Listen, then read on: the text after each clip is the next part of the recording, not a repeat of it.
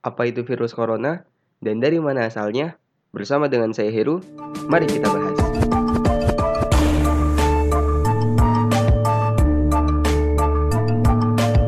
Hai hai kaum perubahan, gimana nih kabar kalian? Semoga kabar kalian saat di rumah saja nih, tetap baik-baik saja. Selamat datang di podcast teman ngobrol KKN tematik COVID-19. Untuk episode pertama ini, kita bakal bahas apa itu corona dan dari mana asalnya guys.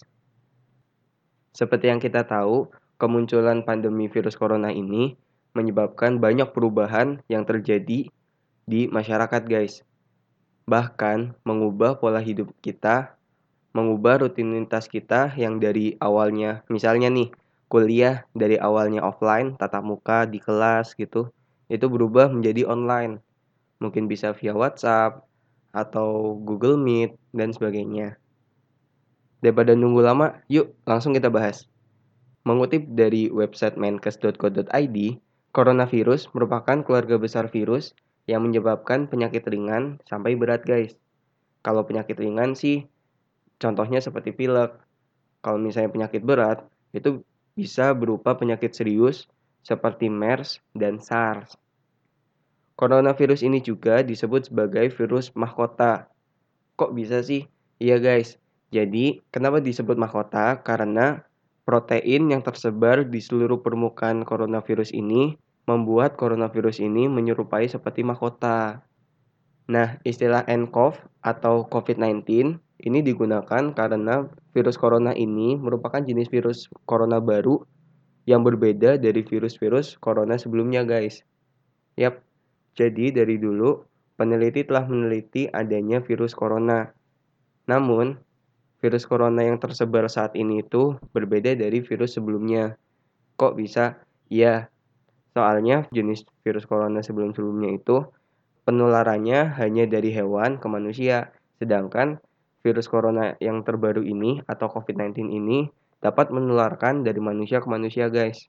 Menurut Baharudin dan Fatimah dalam bukunya yang berjudul 2019 nCoV menjelaskan bahwa virus corona ini memiliki tiga tahap dalam siklus hidupnya. Yang pertama, pelekatan virus terhadap sel. Jadi, ketika virus itu masuk ke dalam tubuh kita, virus itu akan menempel atau melekatkan diri pada sel. Tapi tidak semua sel dapat dilekati oleh virus corona ini guys. Hanya sel-sel tertentu atau sel khusus seperti sel epitel pada saluran pernapasan. Khususnya pada bagian alveolus organ paru-paru guys. Kalau kalian ingat nih pelajaran biologi alveolus itu seperti yang bentuknya itu seperti anggur. Bulat-bulat gelembung-gelembung itu di bagian paru-paru. Yang kedua, replikasi dan sintesis yaitu perbanyakan dan penggandaan bagian tubuh dan material genetik untuk virus baru. Jadi, setelah virus itu menempel pada sel, kemudian virus itu akan masuk ke dalam sel dan melakukan replikasi dan sintesis, yaitu perbanyakan dan penggandaan bagian tubuh dan material untuk virus baru. Jadi, dia itu akan memperbanyak diri di dalam sel-sel tersebut dengan memanfaatkan bagian-bagian atau material-material yang ada di dalam sel tersebut, guys. Nah, proses replikasi ini memungkinkan terjadinya mutasi pada virus. Yap, Hal ini sering terjadi pada genom yang tidak stabil seperti virus. Jadi kebanyakan virus mengalami hal ini guys. Yang ketiga, lisis, yaitu keluarnya virus dari dalam sel sehingga mengakibatkan sel tersebut rusak dan kehilangan keuntungannya. Nah, tadi kan virus itu ada di dalam sel dan e, memperbanyak diri, ya kan, melakukan replikasi dan sintesis. Setelah virus tersebut melakukan replikasi dan sintesis, virus-virus tersebut itu keluar dari dalam sel. Nah, keluarnya virus dari dalam sel itu membuat sel tersebut menjadi rusak dan kehilangan keuntungannya, guys. Dan jika banyaknya sel-sel yang rusak atau kehilangan keuntungannya, itu dapat mempengaruhi tubuh kita, guys. Yaitu ketika hal tersebut terjadi, kita akan mengalami gangguan saluran pernafasan dan meningkatnya suhu tubuh. Mungkin yang kita tahu dengan sebutan gejala saat tertular virus. Lalu, bagaimana sih asal-muasal munculnya virus corona ini? Banyak teori yang tersebar di masyarakat tentang asal-muasal virus corona. Ada yang bilang penyebaran virus ini karena kelelawar yang dikonsumsi oleh manusia. Hal ini diperkuat dengan adanya 66% kasus di Wuhan memiliki riwayat kontak dengan pasar hewan Huanan Cina.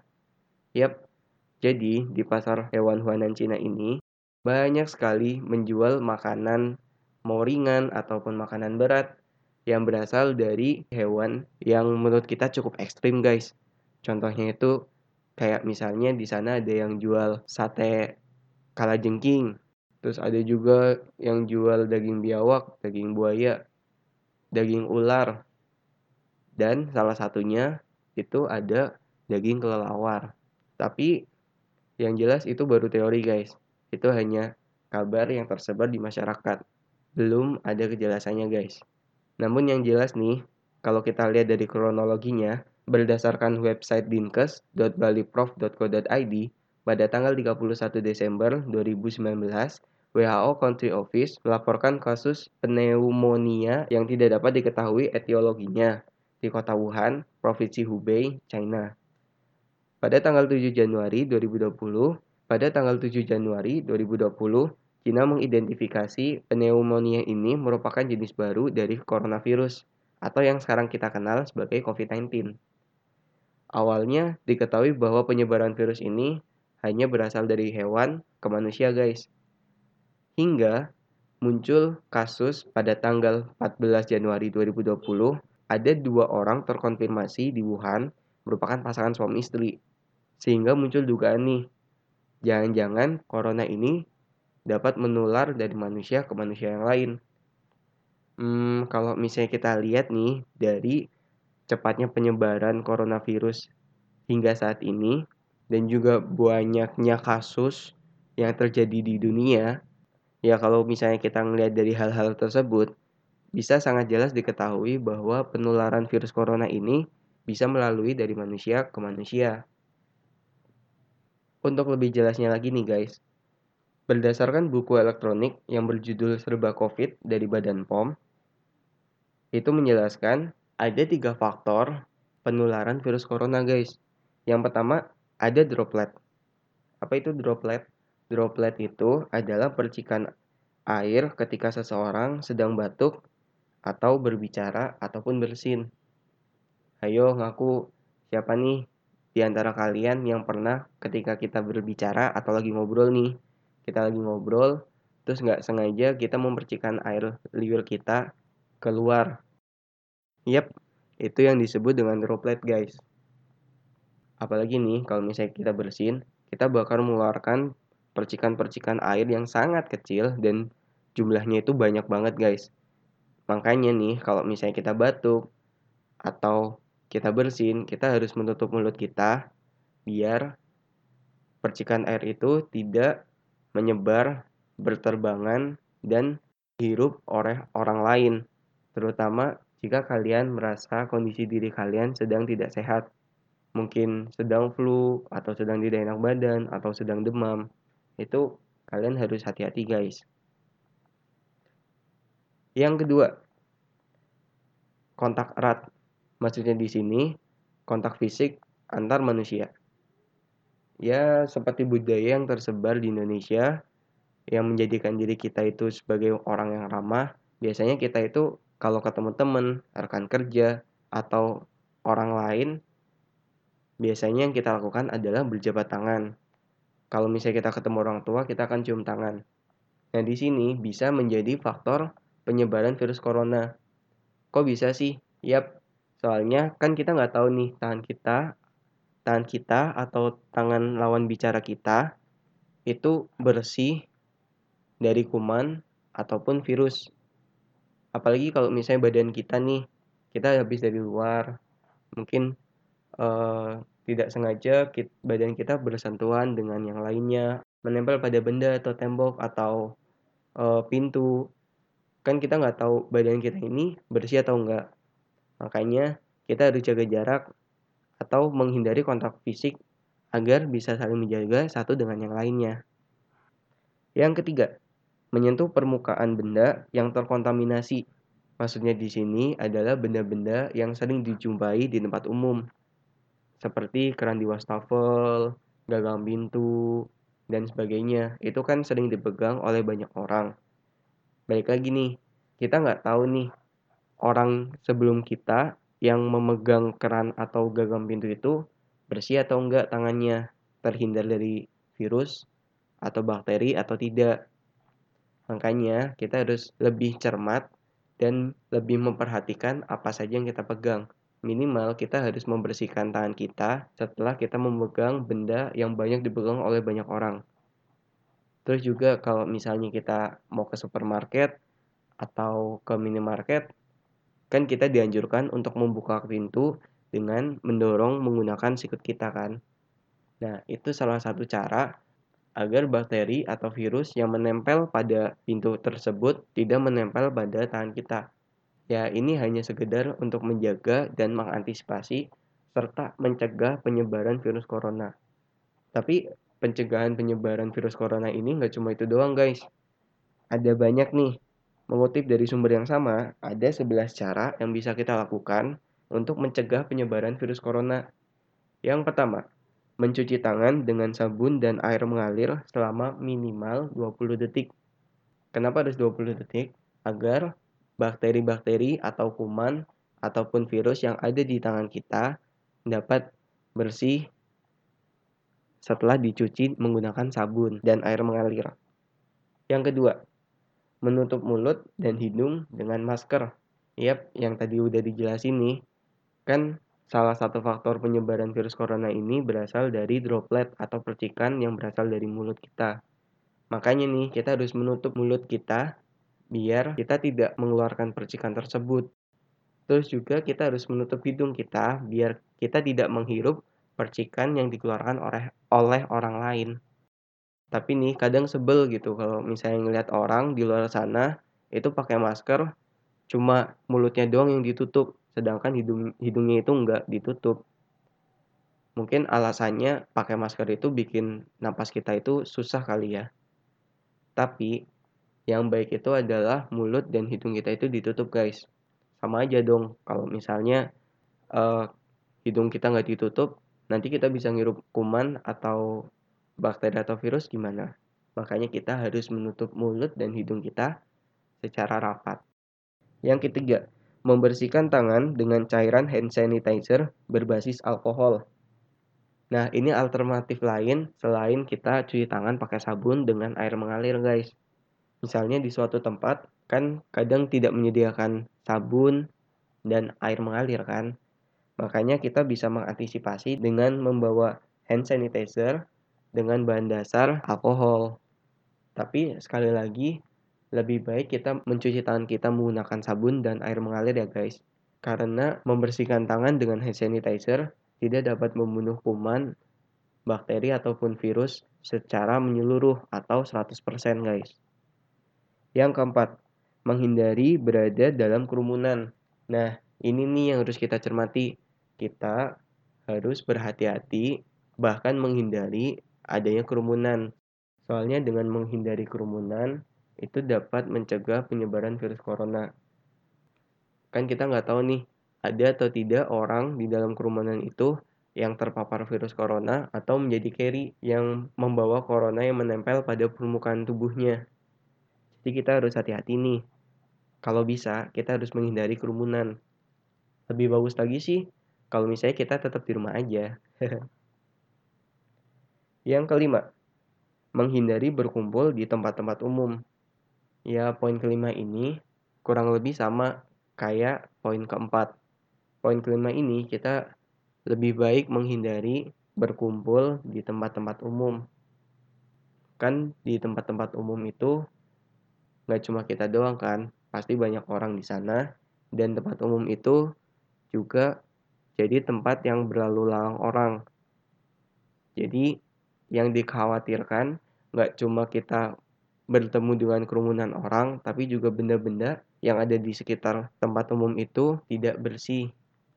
Atau benda-benda di tempat-tempat umum itu tidak dijaga kebersihannya guys. Kan kita nggak tahu nih bersih atau enggak. Yang keenam, memasak dan memanaskan makanan secara menyeluruh. Maksudnya di sini tujuannya itu biar virus atau kuman yang menempel pada makanan kita dapat mati setelah dipanaskan atau dimasak dengan suhu tinggi. Tapi hati-hati ya guys, pas masak jangan sampai gosong. yang ketujuh, hindari bersentuhan dengan binatang secara langsung. Yap, ini dilakukan supaya kita itu dapat terjaga kebersihannya guys. Kan kita nggak tahu hewan yang kita sentuh itu bersih atau enggak. Tapi kalau misalnya punya tapi jangan kayak tapi jangan kayak peristiwa yang ada di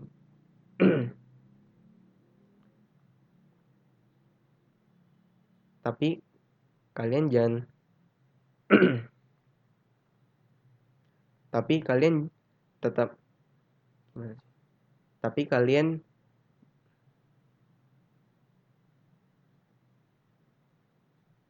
Tapi karena adanya kemungkinan penyebaran virus corona berasal dari hewan, kalian jangan semena-mena langsung berpikiran hewan peliharaan kalian itu terpapar ya guys. Yang penting kalian bisa menjaga kebersihan hewan kalian atau Minimal ketika kalian di luar, jangan sampai menyentuh hewan liar di luar sana. Yang kedelapan, menghindari memegang dan berbagi barang. Tujuannya itu biar kita saling menjaga satu dengan yang lainnya. Kalau misalnya kepepet banget kalian mau berbagi barang yang kalian punya atau mau kasih kado ke orang yang kalian sayang, paling nggak kalian harus menjaga kebersihan dari barang yang mau kalian berikan. Dan kalau bisa nih kalian memberikannya itu secara langsung.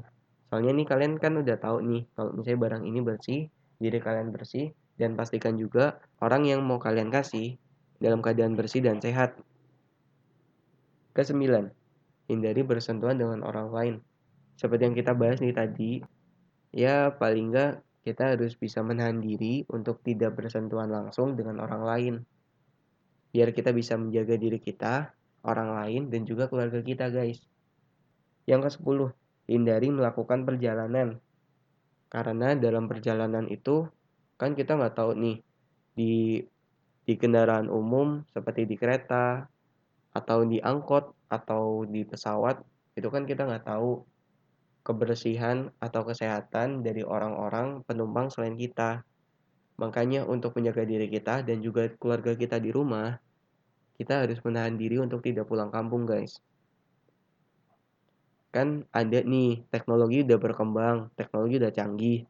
Kan kita bisa memenuhi rindu kita dengan cara telepon atau video call dengan saudara-saudara atau keluarga di rumah.